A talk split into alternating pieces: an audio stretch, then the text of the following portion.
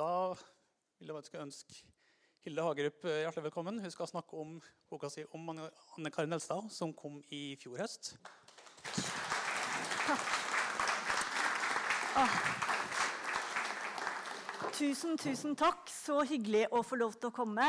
Um, uh, ja, uh, jeg heter altså Hilde Hagerup, og jeg har gleda meg skikkelig til å snakke uh, for dere, men også håper jeg med dere om Anne Karin Elstad. Eh, og jeg har tenkt å gjøre det sånn at jeg snakker litt, jeg har forberedt litt å si. Eh, men jeg er veldig åpen for spørsmål og, og, og, kommentarer. Og hvis det er noen av dere som har egne opplevelser med Elstad eller hennes forfatterskap, så vil jeg veldig gjerne høre det eh, også mot slutten. Men jeg skal begynne, begynne med å drikke litt vann. Neida. Jeg skal begynne med å, å si litt det jeg har forberedt. Ja. Anne Karin Elstad var en grunnleggende privat person. En dame som tok regi både over livet og over sitt ettermæle. I alle de tre skilsmissene var det hun som gikk. Også i det hun har lagt igjen av papirer, gir hun inntrykk av et ønske om å ha kontroll. Det samme gjelder i enda større grad når det kommer til de mange intervjuene hun ga til aviser og ukeblader. Flere steder repeterer hun poeng hun har kommet med i tidligere taler eller kåserier. Noen ganger er det ordrett det samme som blir sagt. Og hun var en flittig bruker av retten til sitatsjekk. Og åpenbart bevisst hvilke båser hun var villig til å la seg plassere i. Det er jo ikke nødvendigvis noe galt i det. Kanskje er det faktisk både naturlig og sunt for en som debuterte så godt voksen. Anne Karin Elstad var altså 38 år da debutromanen 'Folket på Innhaug' eh, kom ut i 1976. Og hun hadde allerede levd et nokså langt voksenliv. Det hadde sine fordeler. Hun slapp å være ung i offentlighetens søkelys. Hun hadde erfaringer og røtter og et perspektiv som sannsynligvis gjorde det enklere å holde beina planta på jorda da suksessen hennes nådde så vanvittige høyder. 185 000 solgte eksemplarer av Innhaug-folket bare i bokklubben Nye Bøker. Det var tall man ikke hadde vært borti tidligere. Du er makaløs, skrev hovedkonsulent Ivar Havnevik ved Aschehoug forlag i et postkort til Anne Karin. Og det hadde han jo rett i. Godt da at hun hadde ballast nok til å stort sett ha en nøktern innstilling til det hele. Samtidig nettopp dette. Hun hadde levd et nokså langt voksenliv utenfor offentlighetens søkelys. Nå var hun nødt til å dele. Det opplevde hun, tror jeg, som dypt problematisk. Hvorfor var det sånn? I bøkene utleverte hun i stor grad seg selv og sin egen slekt. Riktignok skrev hun i en tid der idealet var å skille mellom det personlige og det private. Og da kan jeg vel legge til at sånn er det ikke i dag. For å si det forsiktig. uh, Elsa, men Elstad insisterte på at det ikke var sine egne historier hun skrev. I hvert fall ikke sine egne private historier. Det var vel ikke akkurat helt sant. For selv om hun diktet videre, er det ingen tvil om at både karakterer, situasjoner og følelser brukte livd, le, le, levd liv som springbrett. Og ikke bare på den måten de fleste forfattere gjerne skriver noe som har et ekko i dem selv. Gjennom bøkene sine utforsket Anne Karin Elstad sin egen slektshistorie og etter hvert også kriser hun sto og hadde stått i. Noen ganger holdt hun det litterære forstørrelsesglasset på en, en, slags avstand. Andre ganger gikk hun så nær at det var lett å kjenne igjen for de som sto henne nærmest. Likevel.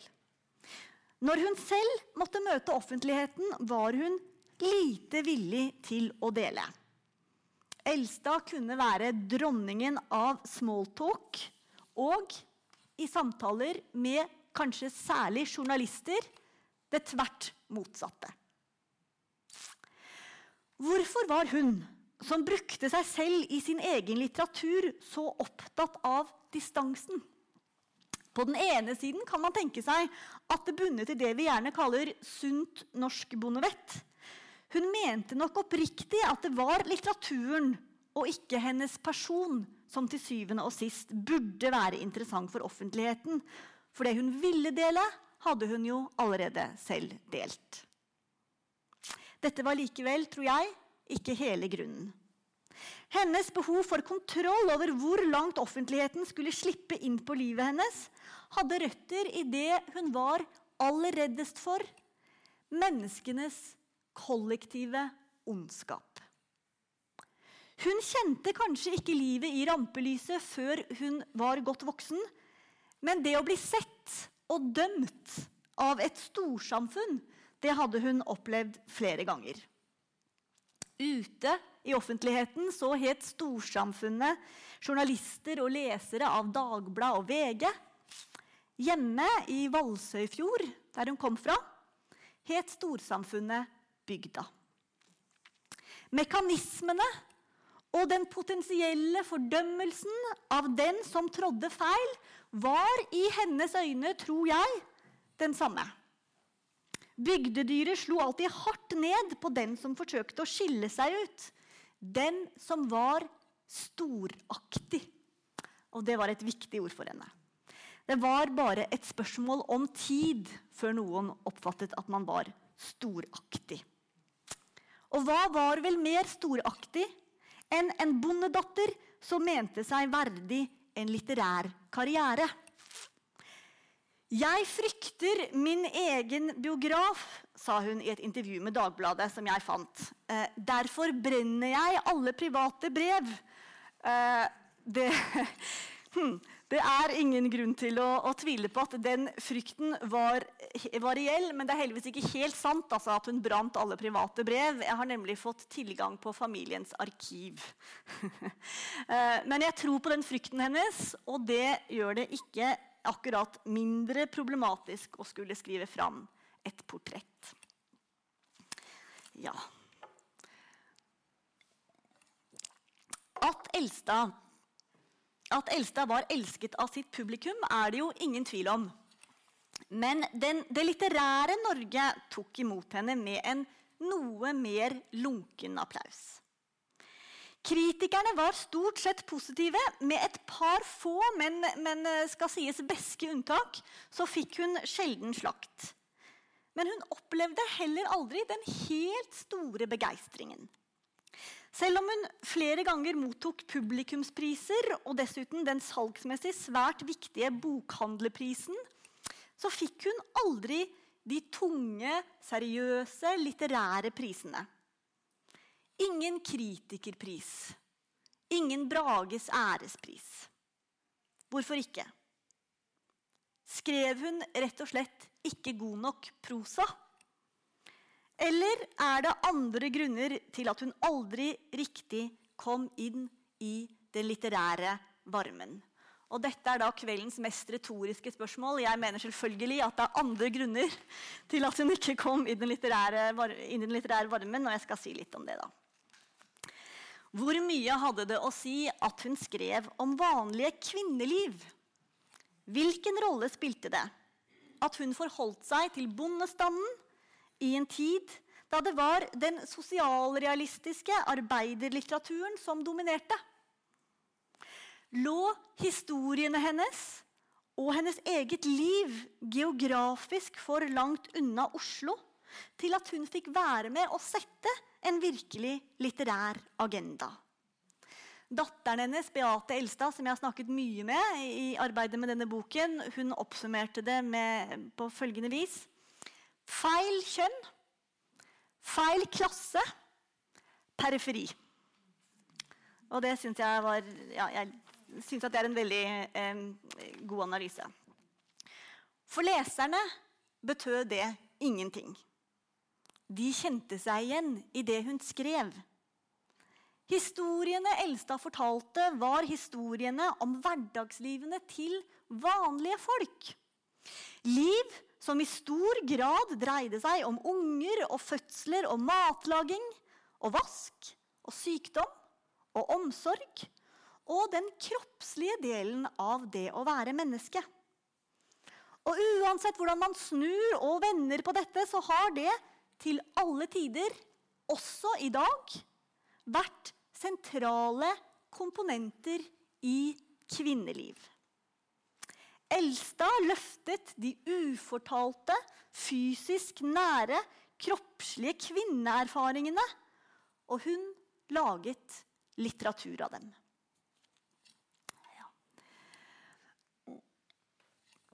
så er det sånn at å skrive et portrett, det er jo da å styre leserens blikk på et annet menneskes liv. Og selv om jeg skrev denne boka i samarbeid med familien og forlaget hennes, som også har vært mitt forlag i, i, i mange år, Aschehoug, så syntes jeg at det var vanskelig å vite hvor jeg skulle styre blikket.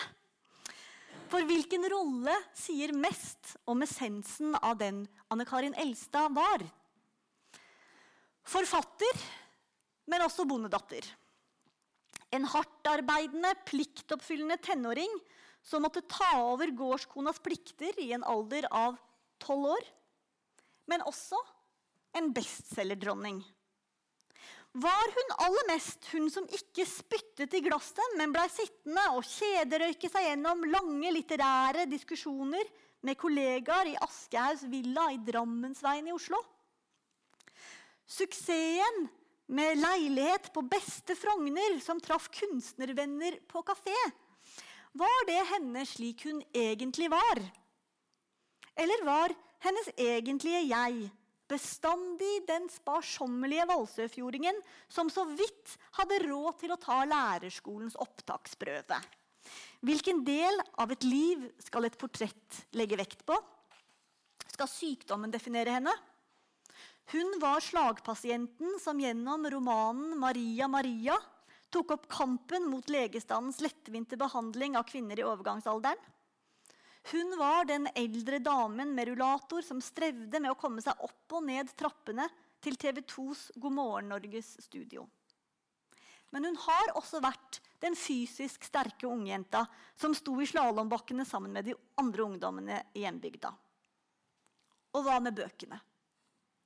Var hun bokklubbforfatteren som skrev lett tilgjengelige tekster uten motstand? Eller var hun en banebrytende feminist som klarte med Anne B. Ragdes ord å gjøre mer for kvinnesaken enn alle landets 8. mars-tog sammenlagt? Hele bildet fins selvfølgelig ikke, jeg har forsøkt å skrive fram mitt eh, må jeg si, nokså subjektive portrett, farget selvfølgelig av den jeg er, og av den gangen jeg møtte Elstad. For I år er det seks år siden jeg starta arbeidet med eh, denne, port, denne, biografien, eller portrettet, eh, om Anne Karin Elstad. Og jeg ville altså ikke turt det hvis jeg ikke hadde møtt henne én gang. I forbindelse med at hun fikk Bokklubblesernes pris for andre gang for den nydelige memoarboka 'Hjem', som sikkert eh, mange av dere husker. Og Prisen den er laget sånn at den som vinner, skal dele med en yngre, ukjent forfatter. Og Anne Karin Elstad valgte å dele med meg. Og det var stort, husker jeg. Og jeg husker at jeg, jeg må altså ha vært litt sånn i overkant ærbødig i stemmen. For hun ble litt flakkende i blikket da jeg sa at nå skulle norsklæreren min ha sett meg her sammen med selveste Anne Karin Elstad. Jeg visste jo ikke den gangen at det implisitte stempelet, bestselgerdronningen, at det plasserte henne i en bås som hun, tror jeg, helt i det siste oppfattet som for trang. Og spørsmålet som har fulgt meg i hele arbeidet med boka, er grunnleggende for meg. Hvorfor ble Anne Karin Elstads historier så elsket? Og Jeg skal prøve å svare på det, eller gi ett svar på det. Men da må jeg også svare på et annet spørsmål. Hvorfor var det så viktig for henne å fortelle dem? Og da må vi tilbake til barndommen. Ja. Anne Karin Elstad vokste opp på en middels stor gård som het Hestnes eh, i Valsøyfjord på Nordmøre. Og hun var nummer fem i en søskenflokk på seks. Gården Hestnes var eh, eh, altså, Familien Hestnes var en intellektuell og, og, og kunstnerisk begavet familie. Hun hadde en, en bestefar som satt på Stortinget for partiet Venstre en onkel som var eh, spellemann eh, av høy, høy, kvalitet, høy rang. En lesende far. En mor som skrev vers, og til og med hadde fått noen av dem publisert i avisen. Eh, de var, om ikke, altså Gården Hestnes var om ikke et geografisk sentrum i bygda, så i hvert fall absolutt et sosialt sentrum i Valsøyfjord. Og selv har hun sagt i et intervju Jeg kommer fra en mellomstor gård vi hadde dyr og dyrket alt, også litteratur. Det syns jeg er veldig fint. Og jeg må si En ting som jeg synes er fantastisk med, med Anne Karins foreldre, som jeg eh, lærte da jeg snakket mye med søsteren hennes Jorunn. Eh, og det var hvordan foreldrene forholdt seg til litteratur og barna når barna var, var små. Jeg har skrevet to biografier for ungdom. En eh, om Agatha Christie og en om Virginia Woolf. Og det er det samme der. Eh, altså Foreldrene til Anne Karin Elstad gjør det samme som foreldrene til Christie og Wolf. De åpner biblioteket til barna sine. Vær så god, les hva du vil.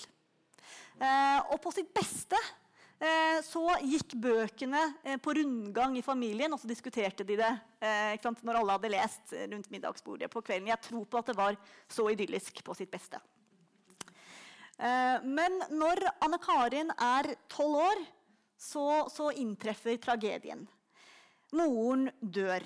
Eh, og eh, barna fikk aldri vite eh, hva, akkurat hva det var moren døde av. Men seinere, som voksen, så sa Anne Karin at hun trodde sannsynligvis at, var, at hun fikk, mente at det var kreft. da. Og det fører jo til en, en, en rekke ting i, i Anne Karins liv, selvfølgelig, og en stor sorg. Men også en del veldig praktiske utfordringer. For eh, en gårdskones plikt på en, en gård eh, på 50-tallet som blir altså, drevet på gamlemåten, da, for å si det sånn altså, de, de, hun hadde jo, Det var et hull etter moren Jenny som, som ikke bare var emosjonelt, men som også var rent praktisk. Altså, hvem skulle gjøre alle de oppgavene? Hvem skulle utføre alt det som måtte gjøres av en gårdskone? Eh, og faren Johan forsøkte eh, forskjellige løsninger på, på å, å, finne noen som kunne overta. Men, men etter, etter, Jeg skal ikke gå gjennom hele den historien, men altså det som skjer konsekvent, det som skjer til slutt, det er at Anne Karin slutter på skolen og blir hjemmeværende husmor. Og hun er 13 år. Eh, og jeg har tenkt eh, eh, Mens jeg jobbet med det, så tenkte jeg på at det er et sånt ord som de bruker, som de sier når liksom, hva, hva, heter det når barn jobber Jo, det er barnearbeid. Altså, hun ville jo ikke kalt det det selv, men det var jo det det var i Norge i 1951. Det var jo det det var. Eh, hun slutter på skolen. Eh, og det er da hun altså etter hvert møter menneskenes kollektive ondskap i det bygdas blikk går fra å være vennlig, for sånn var det jo også i, da, altså i, i dagene og ukene etter at Jenny døde, så stilte de, eh, stilte de voldsomt opp. Men, men, så blir blikket etter hvert mer granskende. For hvordan skal det gå med denne familien på Hestnes? Og Anne Karin, Karin følte nok at det, den lyskasteren sto på henne selv. da. Og hun får et enormt behov for å reise ut komme seg vekk. Og så eh, skjer det flere ting. Etter hvert så får etter en, en ganske lang periode så får eh, Johan tak i en som kan være eh, husmor eller vikar eller avløser eller avlaster. Blir det sagt. Hun heter Dora og kommer hjem til de skal være en slags hus husholderske. Men ganske raskt så, så, så viser det seg at, at eh, Dora og Johan skal faktisk gifte seg. Eh, og barna eh, på Hestenes får en stemor. Eh, og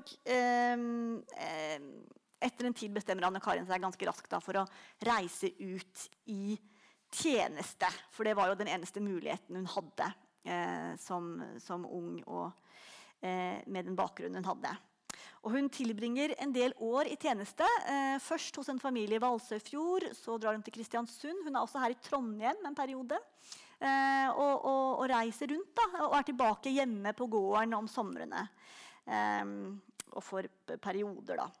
Eh, og da skjer det de årene hvor hun arbeider med å vaske og stelle og, og, lage mat og stelle fjøs, så mener jeg at det skjer to ting med henne. Det ene har hun vært veldig åpen om. det var at hun, hun, visste at hun var nødt til å få seg en utdannelse. At hun måtte, måtte få seg mer skolegang. Og det andre er at jeg mener at hun får en slags bank som er en nærhet til arbeidet som hun seinere skal dra nytte av i forfatterskapet.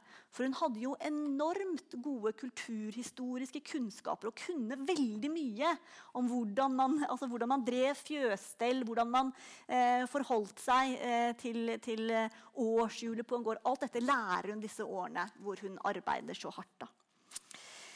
Um, hun eh, får utdannelse. Hun klarer ved hjelp av en, eh, en uh, lærer som ser henne, å få tatt eksamen. Og hun eh, kommer inn på lærerskolen på Levanger og kjenner på en enorm frihet. For det er jo sånn på den tiden at man er ikke nødt til å ha artium for å komme inn på lærerskolen. Man kan, kan ta en opptaksprøve, og den står hun da på. Og, og, og, opplever en enorm frihet. Eh, og jeg har funnet eh, i notatene hennes jeg synes det er så fint, Hun skulle snakke da, eh, om hvilke muligheter som fantes for, for, jenter i hennes generasjon. Da var hun godt voksen, men hun skulle snakke om dette eh, i hjembygda. Og da har hun notert i margen i dette manuskriptet noen stikkord. Så står det husmor, hushjelp, Romerike folkehøgskole, hjem og husmor for Arnljot, som er broren, diverse jobber sparte til opptak til lærerskole, kom inn i Levanger i 1959, fikk lån og var reddet. og det syns jeg også er, det virker så ekte, da. Synes jeg. Ja, så Hun kommer altså inn, er reddet, kommer inn på lærerskolen på Levanger eh, og har noen eh, flotte år der. Eh, og da hadde hun en, en, ungdomskjæreste som hun eh, er faktisk er forlovet med, og som hun fortsetter å holde kontakt med, som heter Birger Eide. Men så, på lærerskolen, treffer hun Bjørn Elstad. Bryter forlovelsen med Birger eh, og gifter seg etter hvert og får tre barn. Og eh, Bjørn og Anne Karin bygger hus på Levangerneset, på Bamberg. Eh, hvor de begge jobber som lærere og er aktive, veldig aktive må jeg kunne si, i lokalsamfunnet. Han er engasjert fotballtrener, og hun underviser i orgel. og Det er safting og, og, og sylting, og hun er med på revyer. Eh, jeg fant henne også eh, i en oversikt over Sanitetsforeningens medlemmer. Og jeg snakket med den gamle venninnegjengen hennes fra, fra, Levanger, og de sa at det var sånn du måtte melde deg inn i saniteten. Det var liksom ikke, altså Du måtte det, og så måtte du være med i fotball. fotball eh, i svingen, som det heter. Fotballsupportergjengen. Det måtte du være med på. Eh, så hun meldte seg inn i Sanitetsforeningen, men ikke i omsorgskomiteen. Hun hadde vel opplevd kanskje at hun hadde gjort nok omsorgsarbeid, men hun melder seg sporenstreks inn i festkomiteen. Eh, det er en veldig hektisk periode. Eh, og eh, min generasjon vi har det jo med å tro at vi har oppfunnet tidsklemma. Det kan jeg avkrefte nå. Har vi, vi, har ikke oppfunnet tidsklemma, for å si det sånn. Det er hektiske og tror jeg ganske lykkelige, eller veldig gode år. men samtidig så har hun med seg en slags kreativ uro, en slags trang til eh, eh, å skape noe. Det, det, må være lov å, å, å, si det sånn.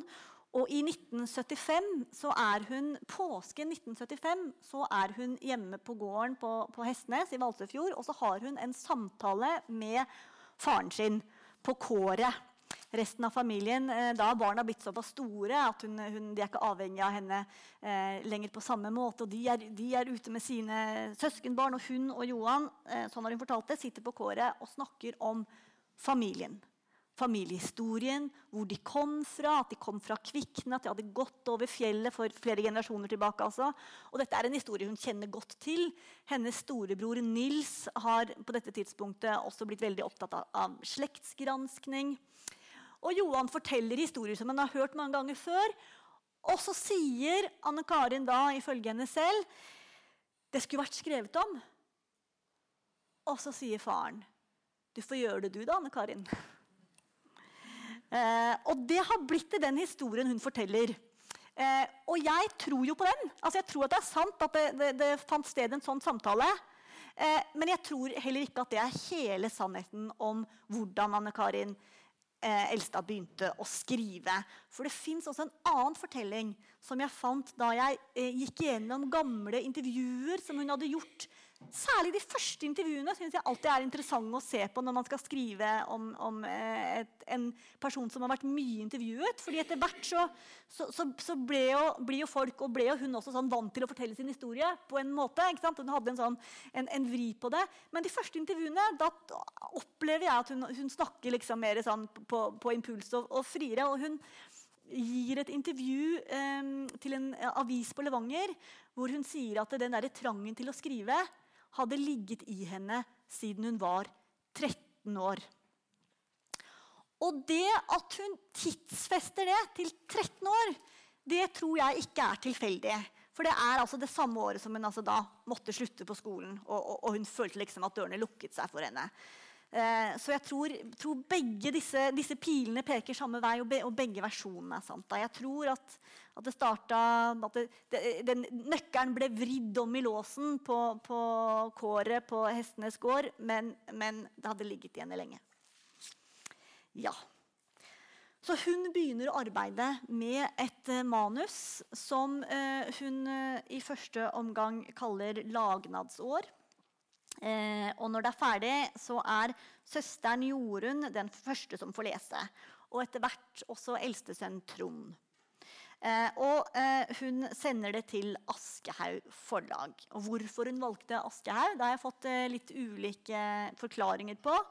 Eh, kanskje fordi det var et forlag som hadde en profil som passa Eh, med den historien hun hadde fortalt, i motsetning til Gyldendal, som lå på andre sida av Sesteds plass og hadde mer modernister. Så hadde, hadde mm, Aschehoug um, forfattere som kanskje Anne Karin Elstad følte seg mer i slekt med. Etter hvert ble det også Duns forlag. Um, men det kan også hende, som hun sa til Jorunn, at uh, jeg tar det forlaget som var først i alfabetet. men hun blir altså ganske kjapt antatt. Eh, og Tom Christensen het han som, heter han som eh, fikk lov til å ringe henne eh, og fortelle dette her. Han hadde jobbet i Bokklubben, og var da både han og William Nygaard, som da var, var forlagssjef, var nokså altså De var unge og nye i forlaget og er gode venner. Og William beskriver at Tom ringte ham, og han påstår at det dreier seg om et gledeshyl i telefonen. Han har lest Elstads manus, men Tom benekter at det var noe gledeshyl. Men han var veldig begeistret. men han får lov å ringe denne helt ukjente trebarnsmoren på Levanger. Eh, og eh, hun tar telefonen, og så er det da søndag ettermiddag. Eh, og hun har, Dette er ikke så kjent, men altså hennes familie er totalt, de er totalt sportsidioter alle sammen.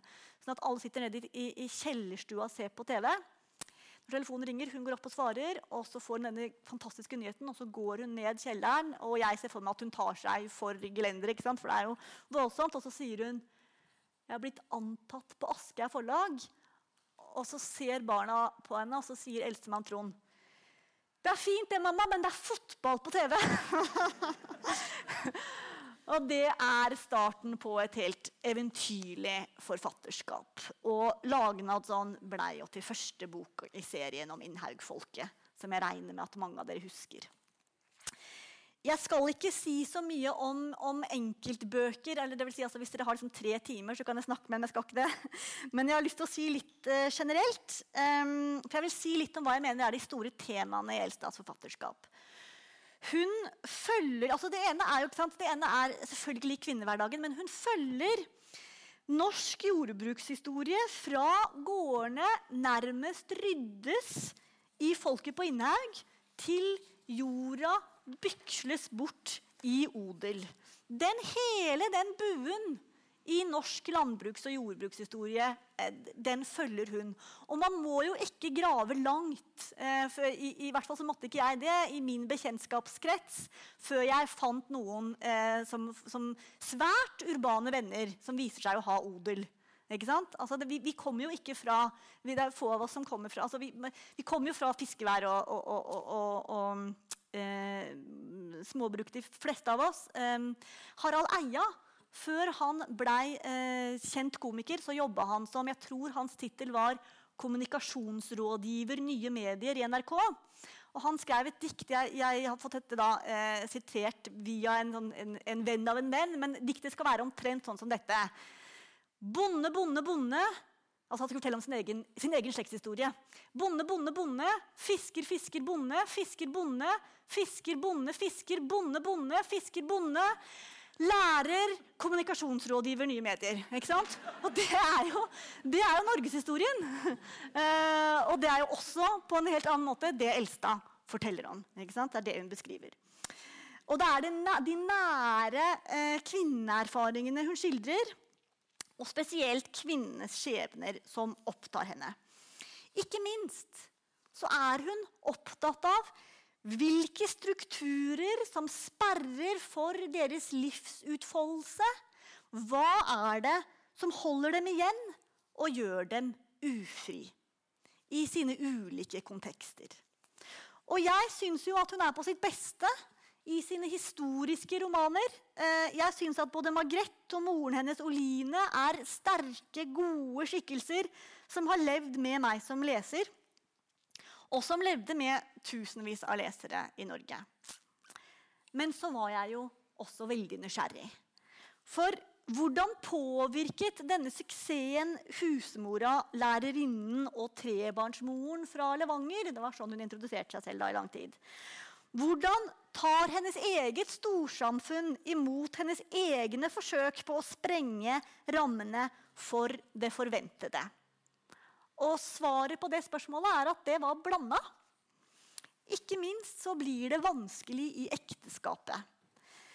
Bjørn Elstad eh, er jo ikke den siste mannen som har takla konas suksess sånn, si, midt på treet, mot dårlig. Eh, først var han entusiastisk, men etter hvert så skjønte nære venner at det at hun skrev, skulle de liksom nesten ikke engang snakke om. Og det gikk jo ikke. Men hvis man snur på det og forsøker å se det fra hans perspektiv, så, så, var det jo heller ikke enkelt for ham. For det livet som de hadde levd eh, som et sånn felles eh, sentrum eh, for veldig mye aktiviteter, det var jo ugjenkallelig forbi. Sånn var det jo. Og hva nå? De blei skilt. Eh, og hun eh, slutter også på skolen, slutter som lærer.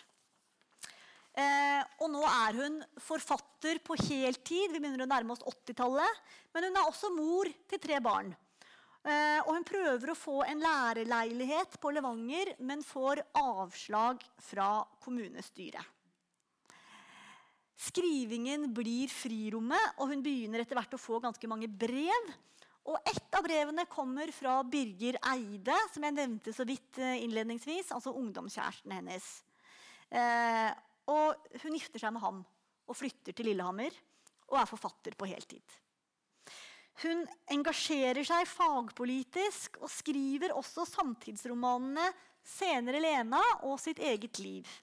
Der i hvert fall deler av handlinga er henta fra egen skilsmisse. Selv om hun var veldig påpasselig med å liksom poengtere at det er ikke min skilsmisse, det er ikke min familie, så er det scener og episoder. Blant annet så er det en episode i senere Lena hvor Lena eh, søker om å få en lærerleilighet og får avslag. Og de som, som kjente Elstad best i den tiden, sier at det er, er omtrent ordrett. Altså det er nesten én til én, den delen av opplevelsen. Andre ting er det ikke. Hun skriver og skriver integrerer seg kanskje ikke veldig godt på Lillehammer, men derimot i forfattermiljøet, hvor hun er veldig godt likt. Den elskelige damen fra Valsøyfjord, har folk kalt henne. Det er mye reising. Og Tom Christensen, han med gledeshylet, han, han mener at uh, hun har nærmest tatt alle sine lesere i hånda I hvert fall i eh, overført betydning. Hun var veldig glad i å møte folk og prate. Eh, I 1985 så kommer det jeg mener er hennes beste bok, eh, 'For dagene er onde', som også filmes. Eh, og det går i et vanvittig tempo. På det hun selv sier er en diett av sigaretter og kaffe. Til det ikke går lenger. Og det skjer plutselig og med et brak og skal endre livet hennes for bestandig. For i desember 1986 får hun slag. Og jeg har tenkt å lese for dere eh, litt fra eh, Litt fra hennes egen tekst. For jeg har rett og slett bare sitert henne, eh, henne selv, for hun skriver veldig nært og sant og, og, og sterkt om det i Maria Maria. Og jeg hadde lyst til å lese for dere fra det. Det hvite lyset er borte. Et øyeblikk er alt mørke. Så, ut av mørket og tåken, ser hun Lises ansikt sveve foran seg. Bare ansiktet. Alt utenfor og omkring er borte i mørk, ullen tåke. Stivnet med oppsperret blikk, munnen åpen i undring, ser hun inn i dette forunderlige som skjer. Hun hører Lises stemme, skarp av redsel, tydelig, men likevel langt borte. Mia, hva er det med deg? Hva er det du ser? I en brøkdel av et sekund, glassklart, tydelig, vet hun at nå skjedde noe uopprettelig. Hun blir stående, lyttende innover i seg selv for dette som skjer med henne. Mia, jeg vil vite hva du ser. Et nytt drønn. Inni hodet hennes løsner en streng med en høy, syngende tone.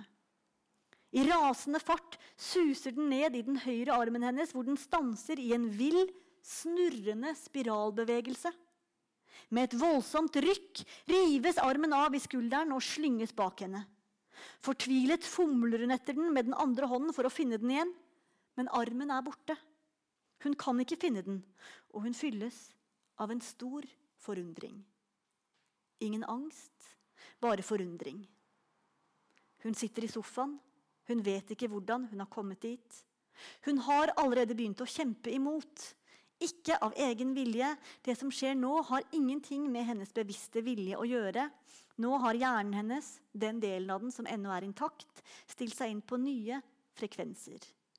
Lydløst og presist sender den ut sine ord og signaler til kroppen hennes. Pust dypt inn, slik ja. Og pust ut igjen. Pust inn, pust ut. Hun kjenner ingen angst, bare en svak uro, kanskje. Og så forundringen. Ja, jeg syns at det er uh, ufattelig sterkt at hun klarer å beskrive det uh, på den måten. Uh, altså, hun får slag i desember 1986, og Maria Maria kommer to år seinere, allerede i 1988.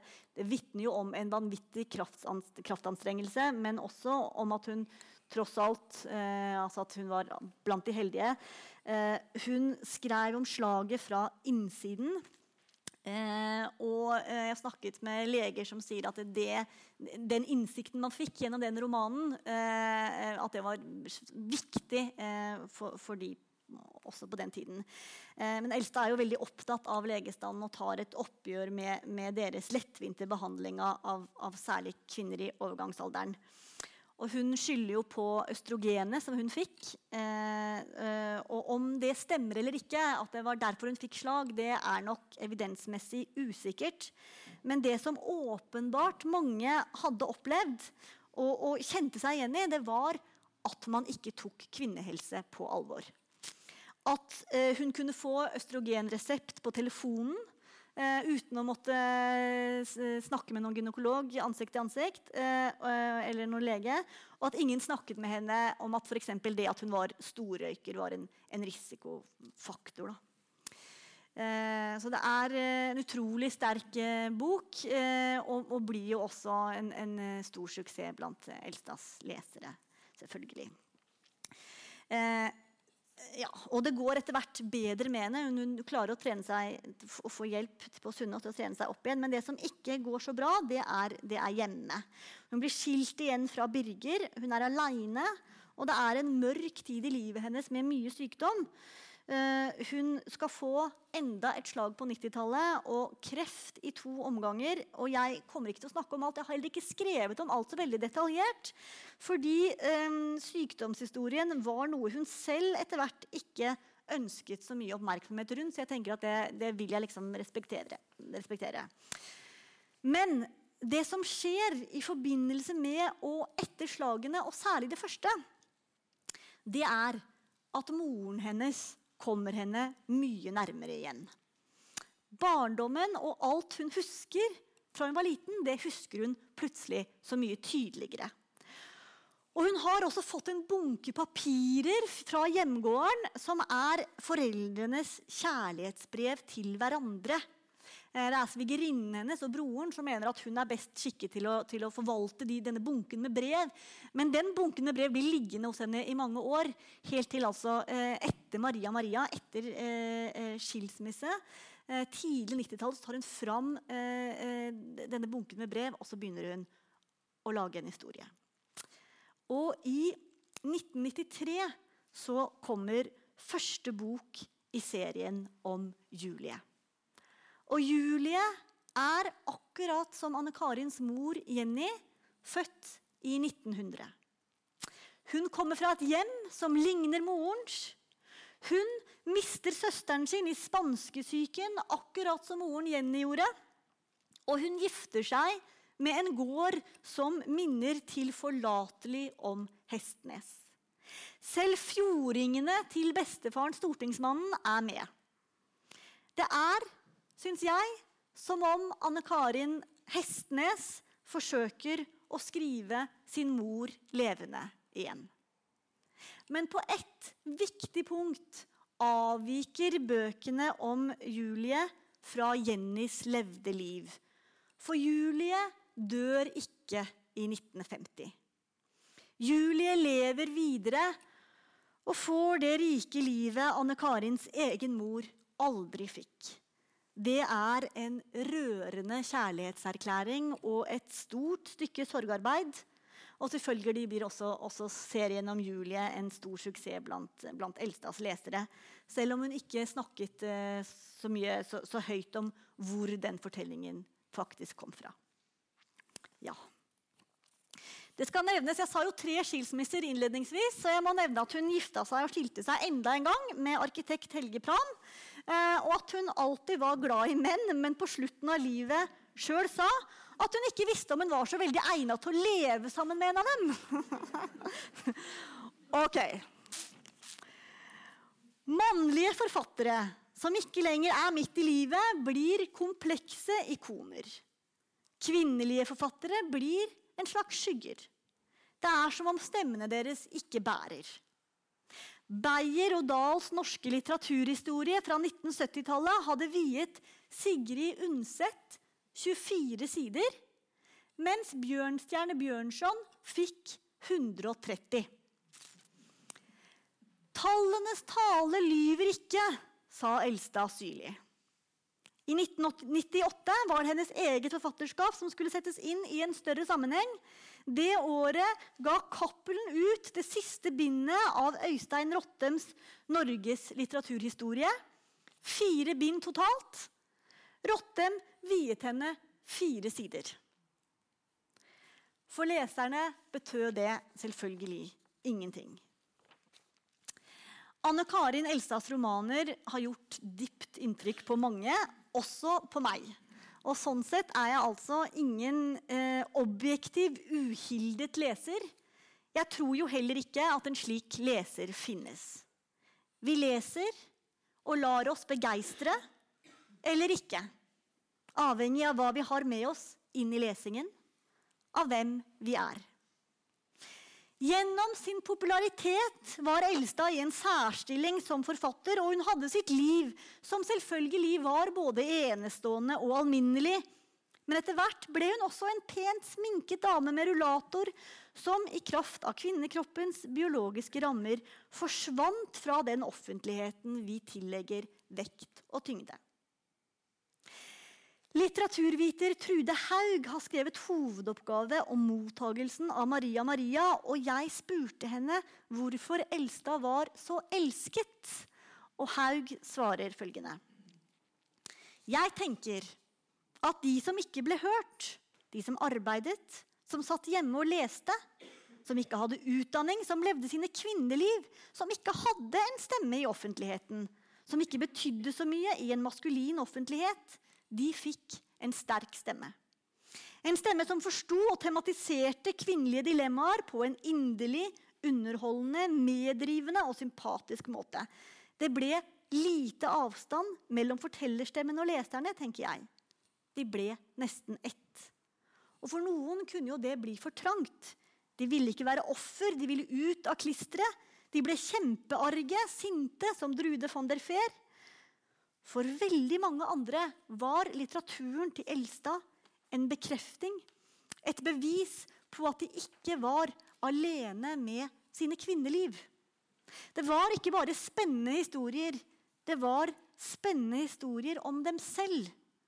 Og de visste at det ikke betydde så mye i mannens verden. Det var de vant til, og de leste ufortrødent.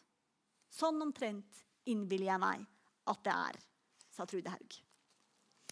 Og hvilken rolle skal litteratur ha om ikke nettopp en av dem er den at den gir håp og perspektiv og skaper en høyere himmel? Jeg har et, eh, et yndlingssitat eh, av Elstad som jeg har eh, først i boka. Hun blei nemlig intervjuet av VG-journalist Katarina Jacobsen i 2006. Og da sa hun noe som jeg syns er aldeles nydelig, og som på en måte også oppsummerer for meg eh, Elstads forfatterskap. Hun sier alle mennesker har sin skjebne, og man kan skrive en roman om hver og en. Ja, det har vi jo for så vidt hørt før, men, men så kommer det som jeg syns er så flott. Jeg synes ikke at et eneste menneskeliv er kjedelig.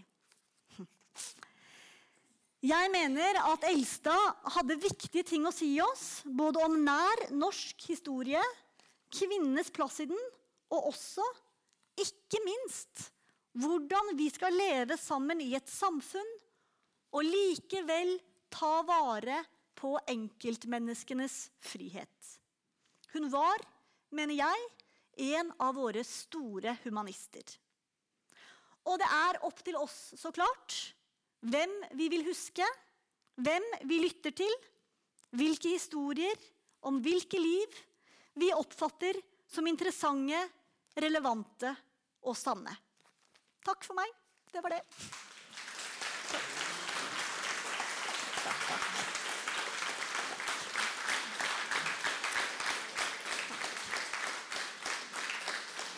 Eh, og det er det er sikkert noen som må gå, og da må dere bare gjøre det. Men hvis noen vil bli igjen og prate eller har noen spørsmål, eller vil komme bort og sånn, så jeg, jeg tar gjerne imot eh, kommentarer og vil gjerne prate med dere. Ja? Tusen, tusen takk, Hilde Hagerup. Varmt, grundig, varmt Åh, eh, Du fikk frem svarene til meg. Å, så fint. Det er samme forlaget. Jeg har kjent Anne Karin siden 83. Å ja. Og samme forlaget som deg Ja. Ja. Og samme forlagsredaktør. Nemlig. Ja. Og jeg anmeldte, eller rettere sagt hadde presentasjon av Maria Maria Bokbladet.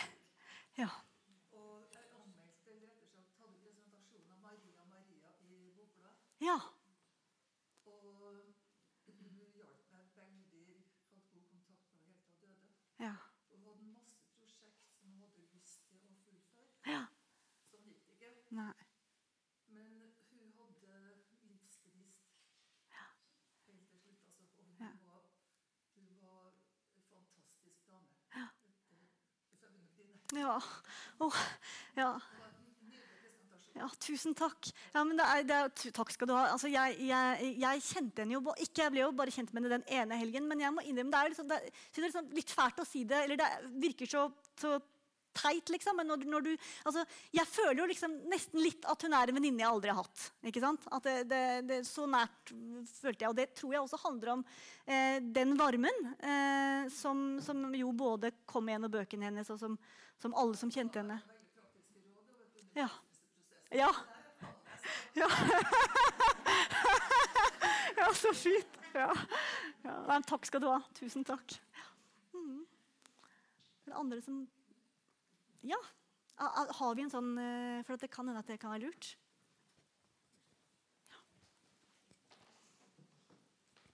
Ja, jeg jeg er enig med Kim. Jeg er på alder med Anne Karin Elstad. Jeg gikk på universitetet da hun skrev bøker. Da begynte jeg å studere som voksen. Ja. Og jeg husker da senere Lena kom, Ja. og vi hadde det på seminarer. Og det jeg opplevde at hun beskrev Hun kom inn for mange av oss som ikke hadde vært så aktive på 70-tallet. Som ikke var organisert og gikk i tog. Da holdt vi på med barn og, og sånne ting.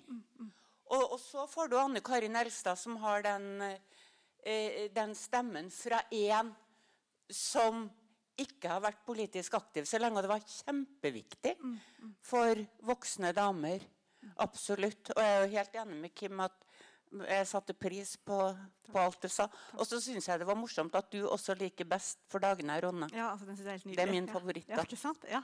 Men du, det synes jeg er veldig, takk skal du ha. Det, jeg jeg synes det er et veldig godt poeng, og det var noe jeg, jeg ikke fikk sagt. Men, men hun eh, var jo, altså i forhold til dette her med hvem som, var, måte, hvem som lå i front da på 70-tallet, hun var jo en generasjon litt grann over. Altså hun, så, som du peker på, hun hadde små barn, hun, hun var nyutdannet lærer. Altså? Eh, hun var, eh, levde et, et, et eh, hektisk småbarnsliv. Og hun har jo også selv sagt til en yngre venninne at jeg, jeg følte at jeg, jeg måtte hele tiden løpe fort. For å, for å holde tritt med, med, med feministene, sier hun sjøl. Eh, men hun eh, åpna kanskje veien på en annen måte, tenker jeg.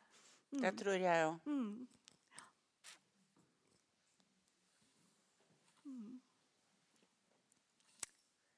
Ja.